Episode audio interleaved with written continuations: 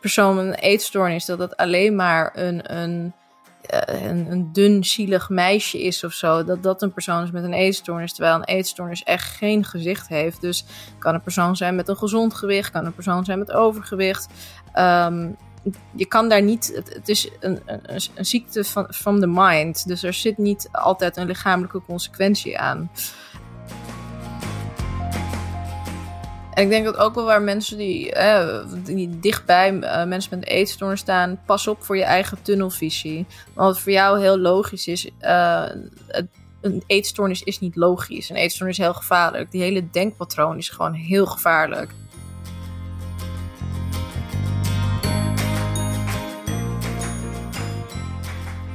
Leuk dat je luistert naar een nieuwe aflevering van de Fit.nl podcast. In deze show geven we jou de beste tips om meer uit je leefstijl te halen. Ik ben Jeroen van der Mark, jouw host van vandaag, onderzoeker, coach en schrijver van Fit.nl. Vandaag komt weer een boeiend thema aan bod met een interessante gast. Ik ga in gesprek met Queenie Borgman. Queenie is diëtist, coach en gespecialiseerd in begeleiding van cliënten met eetstoornissen. En is zelf ook ervaringsdeskundige. Oftewel een heleboel kennis. En waarom precies dit gesprek? Omdat ik merk dat er nog veel misvattingen zijn over eetstoornissen en verstoord eetgedrag. Onbegrip bijvoorbeeld onder vrienden, familie, coaches. Of het wordt vaak te laat of niet gesignaleerd. Of mensen zeggen onbewust de verkeerde dingen. Daarom precies deze podcastaflevering. Voor meer begrip, empathie en een steun te zijn in zo'n lastige en uitdagende periode. Genoeg van mijn kant, laten we gelijk van start gaan. Queenie, welkom in de show. Yes, thanks Jeroen dat ik hier mag zijn. Ja, leuk eh, om het hierover te gaan hebben, maar niet alleen leuk, ik vind het ook echt een belangrijk thema. De cijfers die uh, zetten mij wel even aan het denken.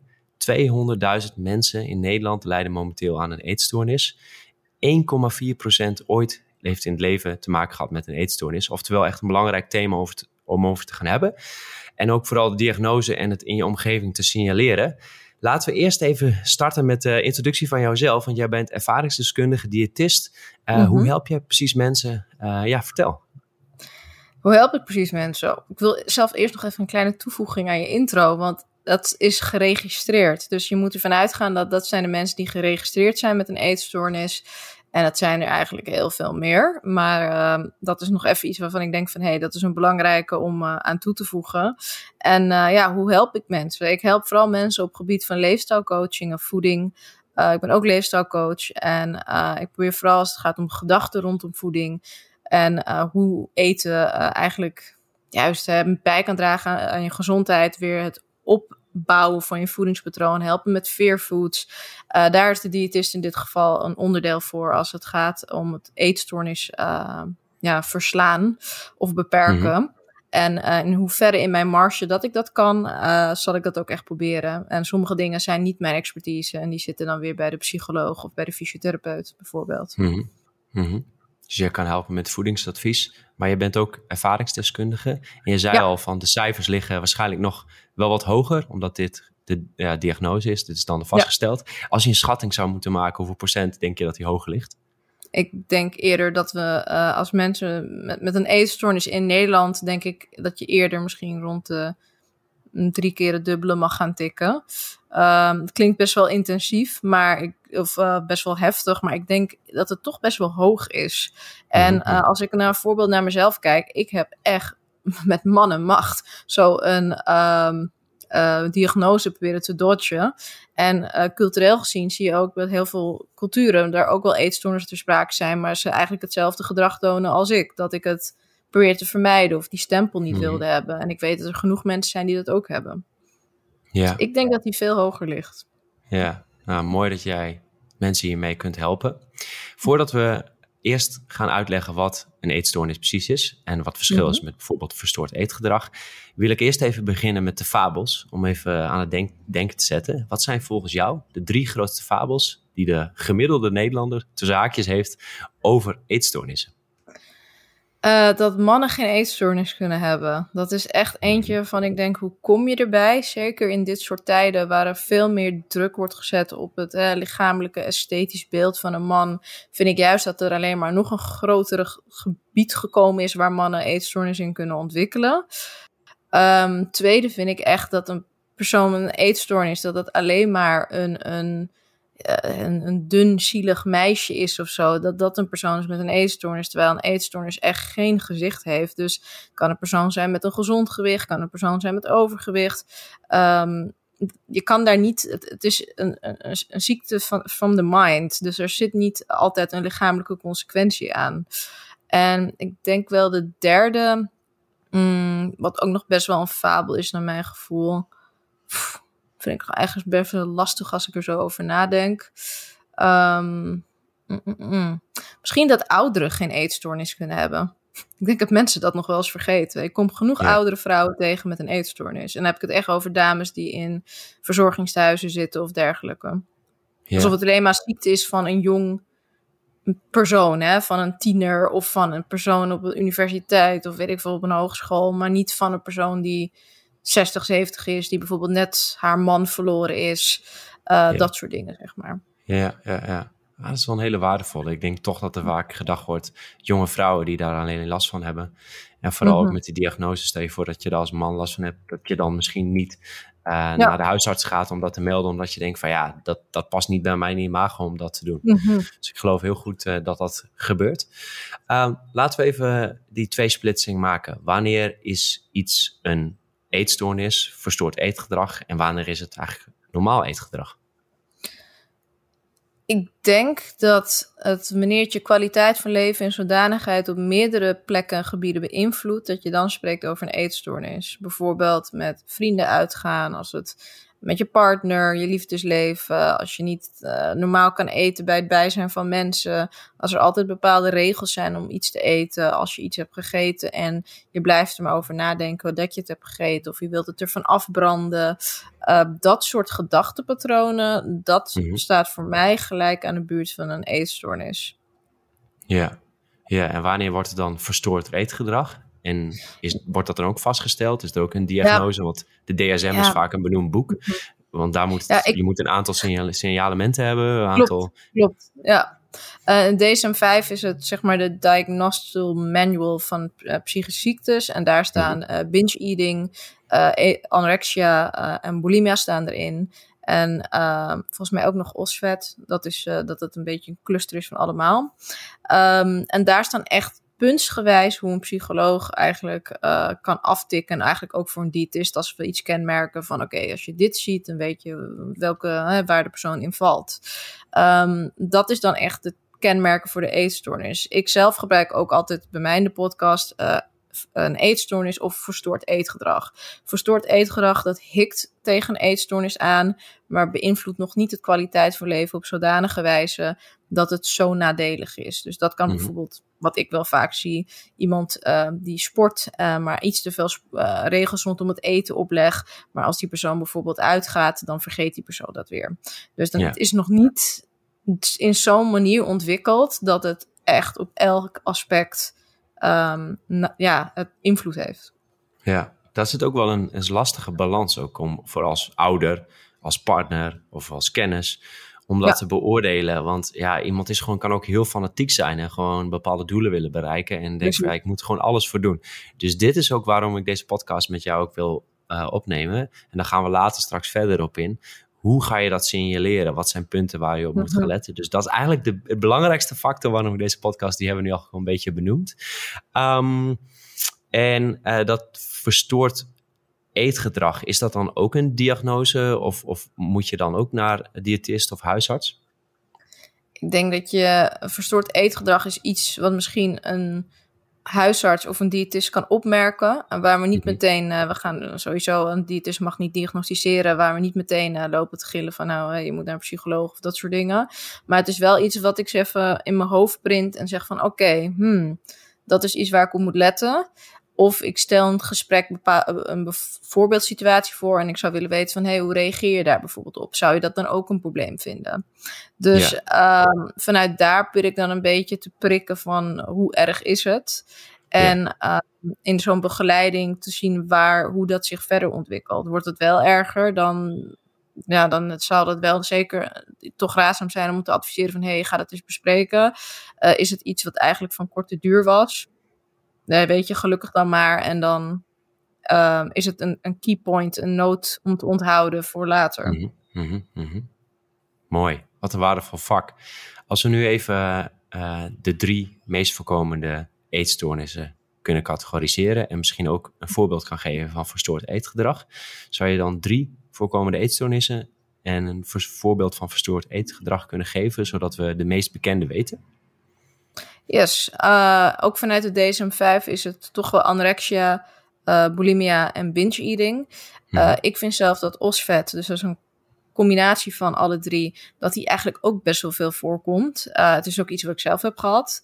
Um, En als ik ze moet ken, een kenmerk, een duidelijk kenmerk bij binge eating, is bijvoorbeeld echt wel dat er, nou, moet ik er toch wel twee even samen clusteren, dat er een. Um, er eet nou misschien wel meerdere dingen samen clusteren. Er zijn eetbuien, die zijn vaker dan twee keer per week. Het is een objectieve uh, eetbui. Daar zit verschil in, in objectief en subjectief. Subjectief is, is dat ik die een pak koekjes leeg eet en dat afschuwelijk vind. Maar het is eigenlijk qua energiehoeveelheid niet zoveel. En objectief is echt dat ik nou een pak koekjes leeg eet. Ik smeer een half brood uit met, met pindakaas. En gooi nog een pak chocomelk achter over, uh, over. Het is dan ook echt daadwerkelijk ook veel in energieinname. Mm En dan zie je bij binge eating ook nog wel vaak dat er weinig tot geen compensatiegedrag is. En daaruit kan weer voortkomen dat het gewicht toeneemt. Ja, precies. Ja. Dus en het compensatiegedrag kan extra bewegen zijn. Dus iemand gaat heel veel overeten. En mm dat kan je objectief vaststellen als het is heel veel. Maar je zit ook subjectief dat bijvoorbeeld ik zou het misschien niet eens veel vinden, maar die persoon vindt mhm. het zelf wel veel en gaat daardoor, dus moet ik het zo zien? Het is de perceptie versus vastgestelde hoeveelheid. En dan heb je ook nog het compenseren. En compenseren is dus extra bewegen of misschien ook weer het eten uh, uitspugen. Ja, maar dat laatste, dat stukje extra bewegen en uitspugen, mhm. dat is uh, niet zozeer een onderdeel echt als we puur alleen de diagnose binge eating stellen. Want vaak is er weinig tot geen compensatiegedrag. Mm of is het in het begin geprobeerd en later wordt dat steeds minder. En dan zie je dus dat langzaam het gewicht toeneemt. Terwijl als je bijvoorbeeld schuift naar bulimia, uh, vaak hoor je daar ook de term binge purge, is omdat er dan wel ook op een binge-eating manier gegeten kan worden. Dus in grote hoeveelheden. Maar er wordt wel ingecompenseerd. En die compensatie Ehm, dat kan dan het purgeren zijn, dus het weer braken van het eten. Uh, Dat kan ook op andere manieren met sporten. En ehm, dat is ook weer een kenmerk wat je hebt. Ik moet zeggen, er zijn wel meer kenmerken bij uh, bulimia. Het kan het gewichtfluctuaties zijn, het vocht vasthouden in het gezicht, uh, een beetje doordringende ogen, omdat je natuurlijk net iets overgegeven hebt. Dus dat geeft ook een bepaalde druk. Um, ja, dat is een van de. Ik vind, ik vind het bijna als ik, als ik aan kenmerken misschien een hele podcast moet besteden, omdat het er zoveel zijn. maar dan pak ik even ja, een, een paar termen uit. Uh, en voor anorexia is het natuurlijk wel vaak, um, maar niet altijd, dat wil ik ook even benadrukken. Het. Um, het hebben van een lichter gewicht. Iemand kan ook anorexia hebben en een gezond gewicht hebben. Het zijn meer de gedachten die er rondom spelen. Ja, en, dat is wel een goeie um, dat je dat zegt. Dus dat is, ja, kan iemand kan zichzelf bewijzen van subjectief anders vaststellen dan dat je objectief zou benadelen. Mhm. En dan ook een andere relatie kan hebben met voeding. Dat het schuldig voelen na het eten. Ja, het, is misschien dan ook wel een grote mythe daarin. Want ik zie heel vaak dat. Uh, nou, ik heb wel echt gewoon cliënten voor mijn neus gehad die niet serieus genomen werden omdat ze nog een gezond gewicht hadden. Maar wel echt duidelijk bijna mhm. alle kenmerken van anorexia hadden. Uh, nou, als ik hem even dan zwart-wit moet nemen, zie je wel vaak dat een kenmerk dat gewicht is van anorexia, dus of een laag BMI. Uh, maar hoeft dus niet altijd. Uh, we zien ook de, de onrust die bij het eten is, dat zo hoog is. Wat eigenlijk ook de andere groepen ook wel ervaren hoor. Maar je ziet dat dat ook nog heel duidelijk daar uh, naar voren komt. Um, wat ook wat kenmerken zijn. Interessant. Ja, en nu heb je anorexia genoemd. Mm -hmm. binge eating. Ja. En de derde was? bulimia. Ja, en, en uh, dan een voorbeeld van verstoord eetgedrag, als je gewoon echt een concrete, wat, wat je heel vaak ziet. Um, binge eating kan in een korte tijd heel snel gehaast eten. Je merkt dat de persoon nog ineens echt stil staat met het eten. Het is bijna een soort van stofzuigeffect. Gewoon go, go, go. Um, mm. Dat heb ik zelf ook gehad overigens. Ik kon echt gewoon ik had het laatst met een stuk chocola. Ik herinner mezelf dat als ik in een binge-eating setting bijna was, een paar jaar geleden, kon het echt mhm. gewoon zo snel weg zijn. Terwijl ik het nu heel langzaam eet. Dat is ook iets wat ik bij mezelf merk. Ik eet nu heel langzaam, maar in de tijd van binge-eating totaal niet. Dus dat is al een voorbeeld daarin. is dat ehm, beter? Want is dat beter misschien voor je geest, perceptie, uh, opname? Um, het is heel natuurlijk gegaan dat ik nu langzaam eet. Vroeger was ik echt een snelle eten in de tijd van mijn eetstoornis. Dat heb ik nu niet meer. En ik denk dat mhm. dat komt omdat mijn perceptie veranderd is. En uh, of dat beter is voor mijn opname. Ja, weet je, ik denk dat het algemeen bekend is dat als je snel eet, dat je sneller meer calorieën tot je krijgt. Dus ik denk op dat geval, ja, het is wel beter. Um, ja. Als ik het even naar concreet gedrag van bulimia, maar dat is ook weer komt in de buurt van binge eating, kan het zijn ook weer uh, eten kopen in snelle hoeveelheden uh, eten. Uh, er is ook een stukje van schaamte, dus als er net misschien overgegeven is, heel veel maskeren, toilet schoonmaken. Um, jezelf even schoonmaken, dat, dat dat er niet is. Je kan het ook wel mhm. soms zien aan iemand met de aanslag op hun tanden. Dat het best wel door de zuurgraad, omdat het zo vaak gedaan is, dat het ah. heel gelig is. Um, Sommige uh, mensen, uh, ik kom het nog niet vaak tegen, maar hebben het een zodanigheid zo lang gedaan dat als ze bukken, dat, dit, dat je weer wat zuur voelt opkomen. Uh, dat is bijvoorbeeld één. En um, bij anorexia ja, ik, ik heb hem heel vaak meegemaakt in, in compensatiegedrag met veel overbewegen. Of dat er ook bepaalde heel veel foodregels zijn, dus heel erg clean eating. En daarin is het begrip orthorexia ook wel vaak aanwezig. Um, dat het overmatig gezond bezig zijn met eten. Um, ja. Maar dat is nog geen diagnose, als in officieel DSM-5-term. Ja, en dan komt ook bigorexia, wat je dan ook weer bij mannen ziet. Dan mm, nog niet een verstoord wereldbeeld hebben of verstild zelfbeeld hebben. Met, uh, dus het zijn heel veel, uh, heel veel dingen waar je op kunt letten. Dat komt eigenlijk goed mooi met mijn volgende vraag. En dit, ik wil hem even introduceren van waarom ik dit zo belangrijk uh, vond. Want ik was een tijdje geleden was ik bij een etentje hier in Mexico. Um, was een groep mensen die ik ontmoet had. En er was een groep meiden die met elkaar aan het reizen waren. En een van, de, van die meiden vond het heel lastig om voedingskeuzes te maken.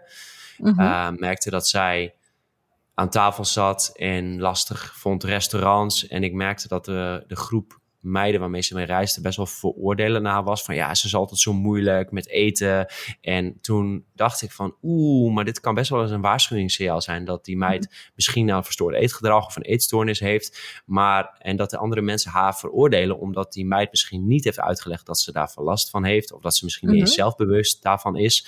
Uh, en misschien stel ik een diagnose die helemaal niet klopt. Maar toen dacht ik mhm. wel, dit kan heel pijnlijk zijn omdat dit hele sociale relaties kan verstoren. En tot irritaties kan leiden binnen die groep. En dat zag ik, zag ik ook echt. En toen ik dat moment had, toen dacht ik van... hey, ik ga Queenie uh, deze vraag stellen om een podcast op te mhm. nemen.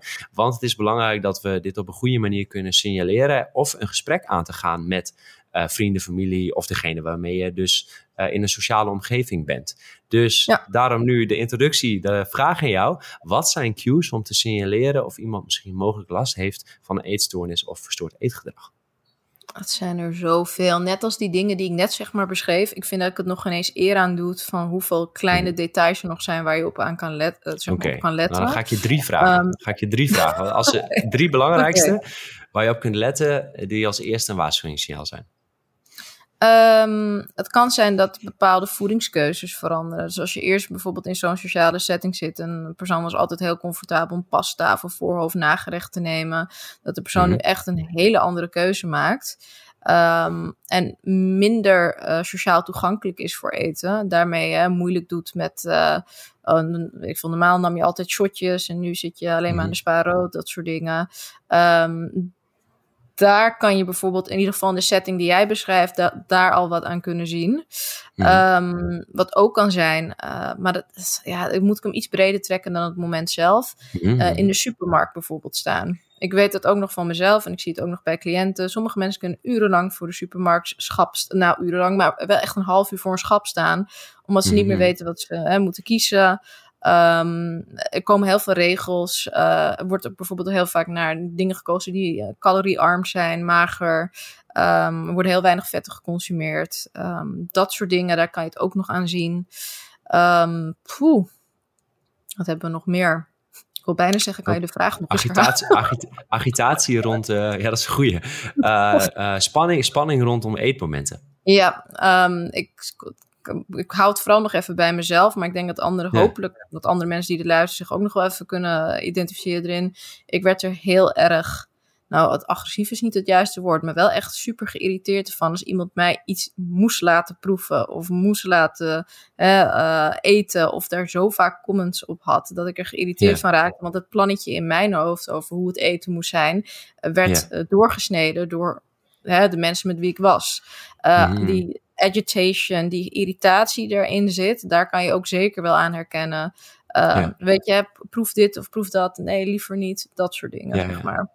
Ja. ja, dan gaan we gelijk even door op die agitatie.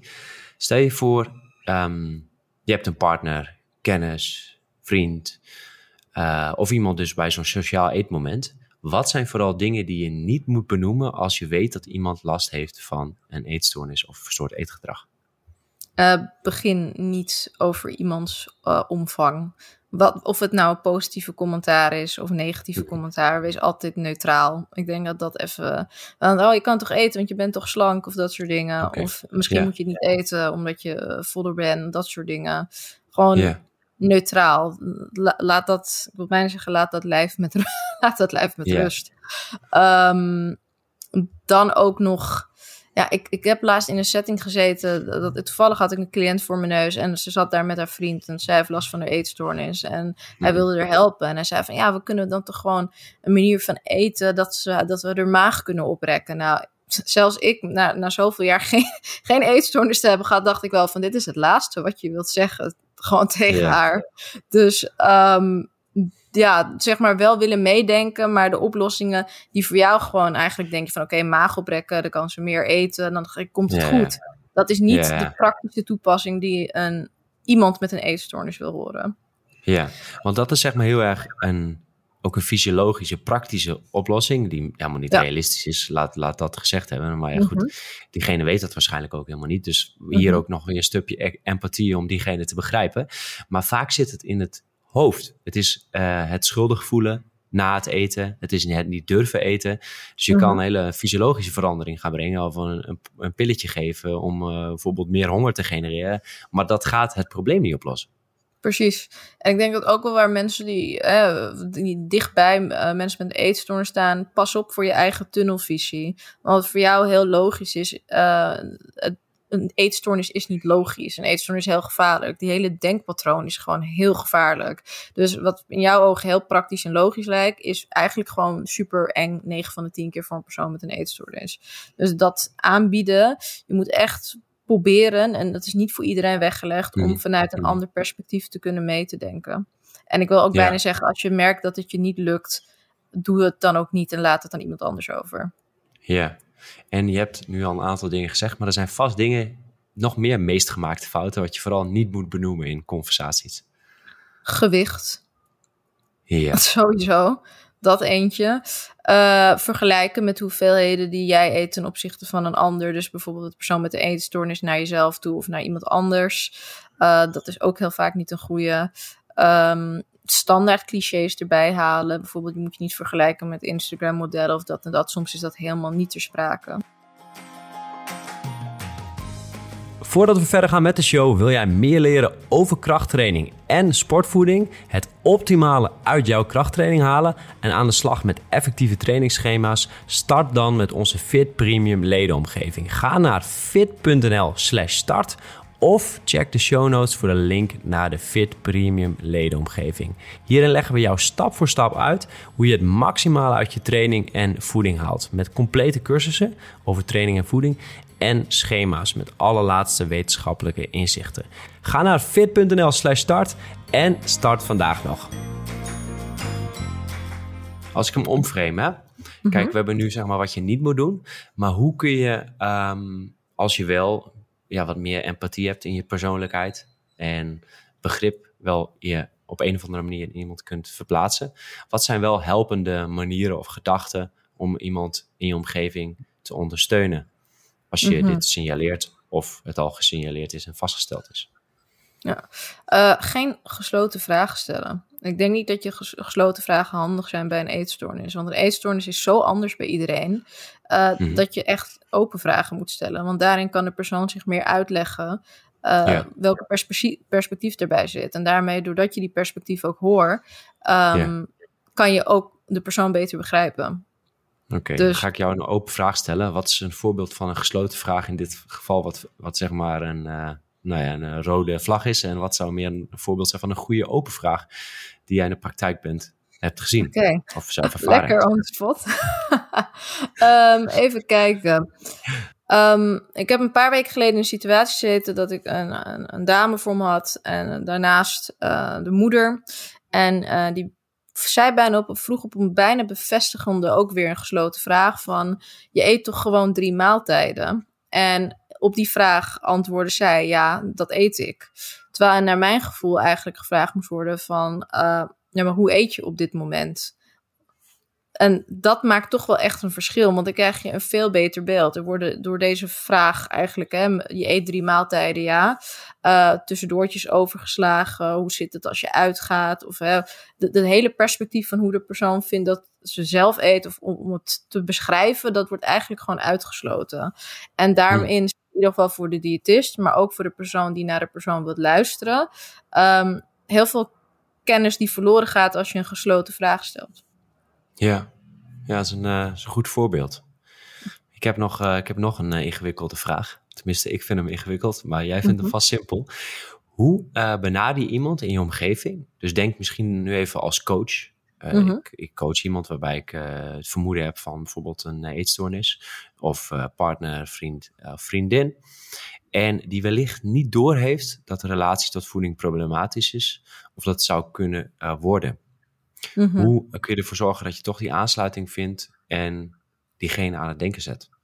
En begrijp ik het nu goed dat het, ik ben dan de, echt de personen die dit doen, zijn mensen in different settings. Dus we hebben het over hier een partner of een vriendin ja, of, ja, of coach. Ja, precies. En, je, en ik stel je voor, ik ben met jou in gesprek en ik heb het vermoeden van, uh, ik, ik coach jou, ik ben jouw coach. Ik heb het vermoeden van, oeh, dit, er is toch wel wat aan de hand. Maar jij denkt van, nee, er is helemaal niks aan de hand. Het gaat helemaal goed. Mhm. En uh, hoe ga je dan uh, in gesprek om dat toch boven water te krijgen. En ja, misschien dat het toch wel een probleem is en dat je, dat, dat je iemand wil helpen namelijk.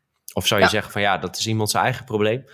Zoek het maar uit en iemand komt er zelf al achter op een gegeven moment. Mm, nee, ik zou het niet iemands eigen probleem uh, maken. Dat, dat zeker niet. Um, ik denk wel dat het handig is. Kijk, als coach vind ik wel dat je op een andere hiërarchie zit dan een vriend of vriendin of een partner. Mhm. Dus ik denk dat daar ook automatisch wat meer ruimte voor komt dan met een vriend of vriendin of partner. Um, dus sowieso voor iedereen zou ik zeggen, spreek vanuit gevoel. Dus ik heb het gevoel dat, niet verwijten dat de persoon verstoord eetgedrag heeft. En daarmee mhm. de situatie te beschrijven met punten die jij hebt gezien. Misschien heb je ze opgeschreven, misschien heb je ze bijgehouden van. Ik heb het gevoel dat wellicht dit te sprake is naar aanleiding van dat ik dit gedrag, benoem je het, zie. En mhm. dan ook, uh, kan jij je hier, uh, heb jij hier raakvlakken in? Hoe is dit voor jou? Moet ik uitkijken, omdat dat is wel weer dan een gesloten vraag. Maar probeer dat um, te vragen van, um, kan je maar hierin corrigeren of dat uh, wel of niet zo is? Kan je toelichten?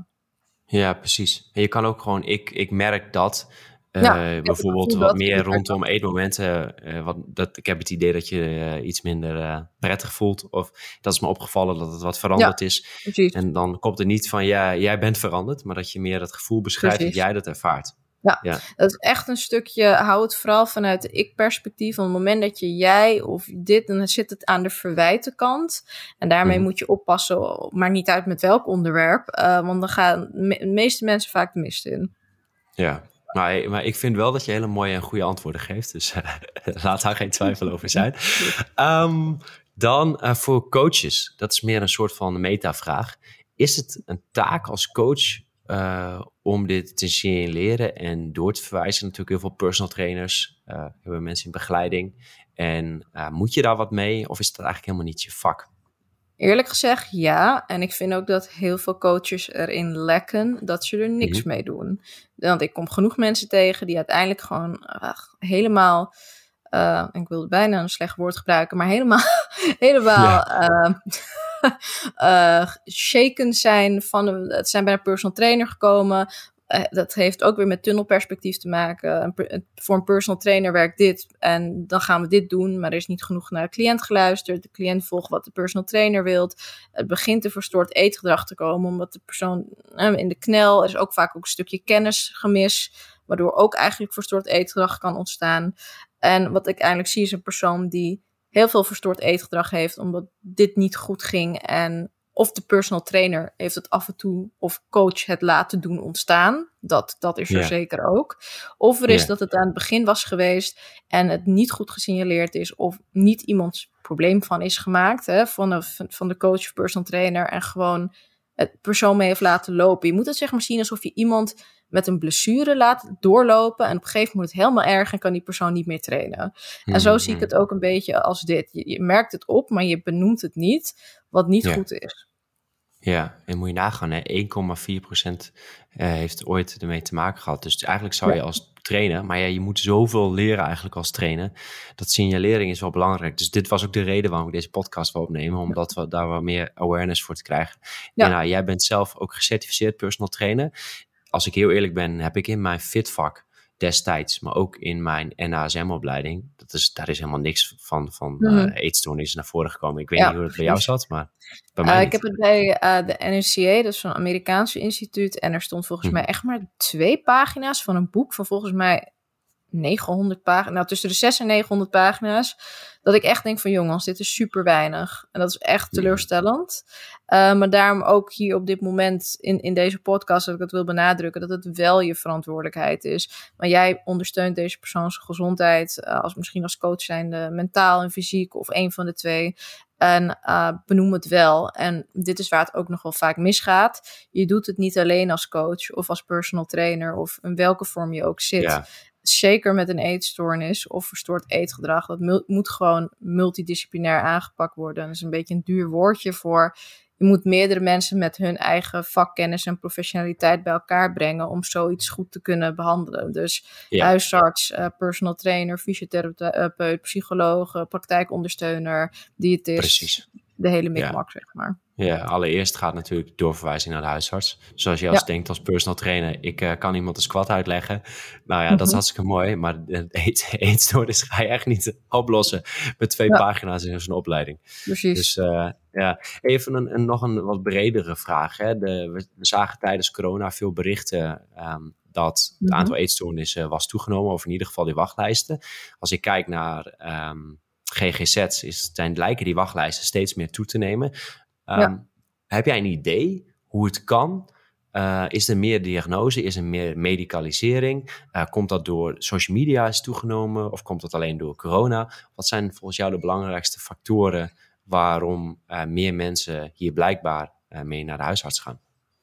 Nou, één, ik weet je, dit is altijd zo'n bitterzoet dingetje als ik social media erbij mag pakken. Want ik vind het super handig. Je komt mensen tegen die je willen helpen, die je bepaalde inzichten kunnen geven. Terwijl je een eetstoornis hebt, wat je echt nodig hebt. Tegelijkertijd zijn er ook mensen die je negatief kunnen beïnvloeden, waar je voor moet waarborgen. Dat noemen ze triggers. En dat kan zelfs heel onbewust zijn van een fitnessmodel die gewoon iets deelt, maar wat bij jou in de verkeerde keelgat kan vallen. Of er zijn echt mensen die een beetje pro-Anna-achtige ja, pages hebben waar je ook weer voor moet uh, waarborgen. Dat je beschermen eigenlijk, dat je daar niet komt. Dus ik denk mm -hmm. dat social media een hele uiteindelijk een meer positieve invloed heeft dan negatieve invloed als het gaat wow, om bewustwording van zegt. jezelf en ermee naar de huisarts toe gaan. Dus zeker, ik denk dat dat heel positief is. Als ik kijk naar de stijgingen, ben ik ergens niet verbaasd. Uh, heel veel mensen hebben een bepaalde structuur en die hebben ze ook echt nodig om te kunnen functioneren. En dat wordt zo van je weggehaald. Dus wat krijg je? Um, een, een bepaalde reactie daarop. En dan mag je ook nog, zijn er ook weer bepaalde beperkingen die er dan weer zijn. Dus je hebt zo weinig dingen om te kunnen controleren. En zeker als persoon, als je een beetje controle om de aard hebt, dan kan het heel snel dus daarop vallen op het stukje eten. Dus ik ben niet verbaasd dat er meer stijgingen, zeg maar, zijn. Ja, ja. Nou, hopen ben dat ik iets trend, vergeten uh... te beantwoorden in je vraag nee, van net? hopen dat die uh, trend, uh, trend breekt. Ik stel eigenlijk altijd aan het begin van de podcast de vraag: welke tip zou je jezelf geven in je jonge jaren? Maar we gingen gelijk de informatie in, de praktische Mhm. tips in, omdat ik echt het een heel belangrijk thema vind. Maar ik wil deze vraag nog steeds aan jou eh, stellen. Wat zou jij je jongeren zelf mee willen geven, wat ook voor de luisteraar interessant kan zijn, die bijvoorbeeld eh, misschien ook last heeft van eetstoornis, of het kan ook een bredere Mhm. tip zijn. Welke tip zou je jezelf, zeg maar, eh, toen je 16 was, mee willen geven? Oh, het zijn er wel meerdere, mag dat? Of is het één? Ja, nou, dat is één of twee. Oké, oké. Ehm, eh, ga alsjeblieft wel hulp zoeken als je een eetstoornis hebt. Wees niet zo dom Mhm. als mij, want ik heb het lopen ontwijken als hel. Waardoor ik geen Mhm. psychologische ondersteuning had of dergelijke. Waardoor naar mijn gevoel alles langer heeft geduurd. Ehm, Wat niet gehoeven had. Dus alsjeblieft doe dat dus wel. Ehm, en tweede, en dat is ook hoe ik hem echt vaak heel... Als ik echt heel kort en krachtig advies wil geven over een eetstoornis alles wat je ongemakkelijk laat voelen en waar je bang voor bent, dat moet je juist doen om eetstoornisherstel te kunnen laten plaatsvinden. Dus ben je bang om, weet ik veel, een patatje te eten, ga het doen, herhaal het, word er comfortabel mee en zie dat het eigenlijk niet zo'n big deal is. Ben je bang om niet te bewegen omdat je gewend bent elke dag naar de gym toe te gaan, ga het juist Ga juist niet naar die gym toe en daag jezelf daarin uit. Want uiteindelijk Ja. heb je die toxic gewoontes, heb je een gewoonte gemaakt waardoor je nu comfortabel mee bent. En de gezonde gewoontes zijn naar jouw gedachtegang toxic geworden, maar zijn dat eigenlijk niet. Ja, hele goeie. Weet je, ehm, zoek het op. Misschien ben je eraan en dan valt het meestal wel mee. Maar je moet die Ja. stap wel maken. Klinkt altijd makkelijker dan gedaan, maar het is sowieso een hele goede tip. Ehm, jij hebt zelf een podcast en ik vraag mensen altijd naar hun favoriete podcast. Mhm. Ehm, ja, de- bij deze even een korte promo over je eigen podcast die je kunt geven. En misschien heb je nog wel een andere podcast die je Yes. luistert. Dat je zegt van, hé, hey, dat is ook een leuke. ehm, ja, welke podcast zou je adviseren? Ehm, wacht even, eerst met welke van de twee wil je eerst? Ja, allebei. Maakt niet uit. Oké. Eh, eh, mijn eh, podcast heet I'm Stuffed underscore, hè, The Eating Disorder Podcast. De Mhm. naam I'm Stuffed is eigenlijk gekomen omdat ik zoveel eetbuien had, dat ik op een gegeven moment, elke keer als mijn vader me wat eet, eten aanbood, zei ik altijd tegen hem, nee joh, I'm Stuffed. Want omdat ik daarvoor een enorme eetbui had gehad, dus ergens verwijst het ook daar naartoe, na die tijd. Ehm, Mhm. Die maak ik elke week. Die is er elke maandag. Toevallig dus ook vandaag, maar op hele onregelmatige tijden. Maar wel altijd op de maandag. dus dat Mhm, scheelt. mhm. Eh, waarin ik mensen interview, eh, ervaringsdeskundigen, psychologen. Eigenlijk iedereen die jij nodig hebt voor een stukje herstel. Eh, en dat doe ik omdat ik destijds in mijn tijd amper informatie kon vinden. Dus daarom vind ik het belangrijk dat er genoeg informatie is voor mensen met een eetstoornis. En wat mijn favoriete podcast is. Oh mijn god. ik vind het eigenlijk wel heel corny om te zeggen. Maar als ik moet zeggen, op Nederlands gebied zit ik dus het meest bij fit.nl. Nou, Dat leuk. wel, Dat oprecht. Want dat is wel puur omdat mijn stukje kennis daarin verrijkt wordt. Hm. En ehm me, ja, Oké, ik ga je een, ik ga je een andere. eh, is er Ja. nog een ander, zeg maar, je hebt, we zetten jouw eh, podcast in de, in de Mhm. show notes. Zijn er nog andere tips qua eh, websites waar het waardevol is in Nederland om even over dit onderwerp verder te zoeken? Ja, ik, ik moet wel zeggen, omdat mijn podcast in het Engels is, ik ben ook dus best wel heel erg Engels georiënteerd. En als er iets Hmm. is wat ik bij mensen aanraad, is het Brain Over Binge van Catherine Hmm. Hansen. Volgens mij, zij heeft ook een podcast, maar ze heeft ook genoeg filmpjes op YouTube over hoe je met binge-eating om moet gaan. Ehm, Hmm. Wat ik je 100% aanraad, en dat is ook volgens mij inmiddels een podcast, maar anders een site, is Proud to Be Me. Dat is de grootste eh, eigenlijk in Nederland eh, ter ondersteuning van eh eetstoornisproblematiek. Je kan daar op een forum chatten, je kan vragen stellen. Ze hebben volgens mij elke vrijdag dat ze op Insta live gaan. Ehm. Gewoon super waardevol. Ehm, verder zit ik zelf als ambassadeur onderdeel van Let's Break the Shame. En daar Mhm. hebben ze het dan over eh, psychische klachten, eetstoornissen, depressie, PTSS. Eh, ook Ja. super handig om te volgen. Ehm, en dat is wel een beetje waarvan ik in ieder geval op het eerste moment denk van... hé, hey, probeer hun. Ja, dat is betrouwbare informatie. Ja. Super waardevol. We zetten even alles in de show notes. Ik eh, schrijf mee. En ehm, dan als eh, laatste, eh, jij hebt natuurlijk, je hebt al je podcast genoemd, eh, maar je Ja. helpt ook mensen. Even een kort stukje promo over jouw website, je Instagram. Waar kun Ja. je mensen precies mee helpen? Um, Instagram is uh, apenstaartje uh, imstuff underscore com, als in van .com. En um, waar help ik mensen mee? Ik help het vooral op het gebied van voeding, dat je daar weer comfortabel bij wordt. En ik ben leefstijlcoach, dus ik maak wel zeker mensen uh, op een stukje leefstijlgebied uh, wat comfortabeler op gebieden van sport en uh, gedachtegang en gedrag.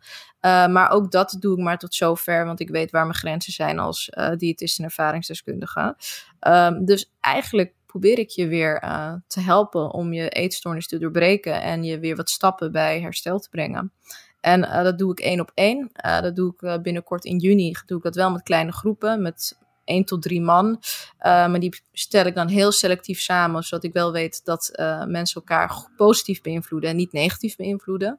Mm. Maar nu voor het, dit stukje zou ik zeggen, één op één coaching is wat er nu ter sprake is. En dat kan je dus vinden op imstaff.nl. Uh, geef ik je een e-book rondom eetstoornissen waar al tips en tricks in staan. Elke maand is er dat we een uurtje bellen. Je mag me altijd whatsappen. Er zit best wel een grote ondersteuning in, omdat ik dat destijds zelf niet heb gehad. En uiteindelijk ben er achter ben gekomen wat ik miste, wat ik nodig had. Mm. vanuit iemand die me begeleidde. Mooi.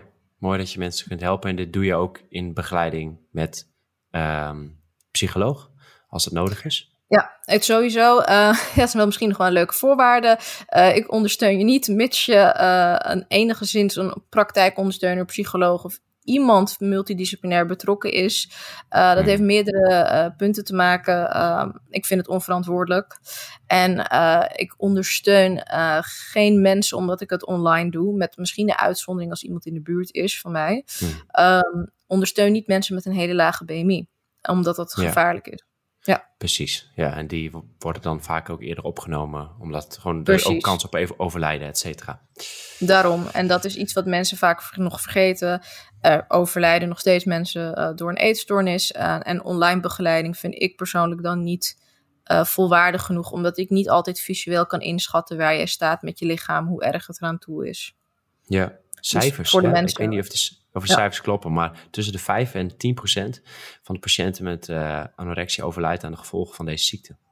Precies, en ik moet wel eerlijk zeggen, dat klinkt altijd heel heftig, maar ik stond daar ook niet heel ver van vandaan, want ik had ook enorme hartritmestoornissen erdoor. Wow. Uh, ja, dus, uh, en ik ben ook echt eens een keertje goed oud gegaan, dus het is echt niet iets wat mensen licht moeten nemen. En daarom vertik ik het om mensen met een heel laag BMI bij me te hebben. Uh, Want er komen gewoon dingen bij kijken. Als je niet genoeg vitamines en mineralen hebt uh, in je systeem, kan je een hartstilstand krijgen. Ja. ja, het is mensen niet te licht moeten nemen, letterlijk en figuurlijk. En dan een afsluitende vraag. Um, er zijn mensen die geloven dat je helemaal van een eetstoornis uh, af kunt komen, maar ook mensen die zeggen dat het altijd een deel van jou zal zijn. Wat mhm. denk jij als afsluitend? Misschien is het een positief of is het meer een realistisch beeld? Wat, wat wil je mensen meegeven? Ik altijd zo'n rotvraag, weet je. Dat oprecht. Ja. Oprecht zo'n rotvraag. Um, um, mijn, mijn realistische kant zegt, ja, je kan volledig herstellen en een leuke kwaliteit van leven hebben.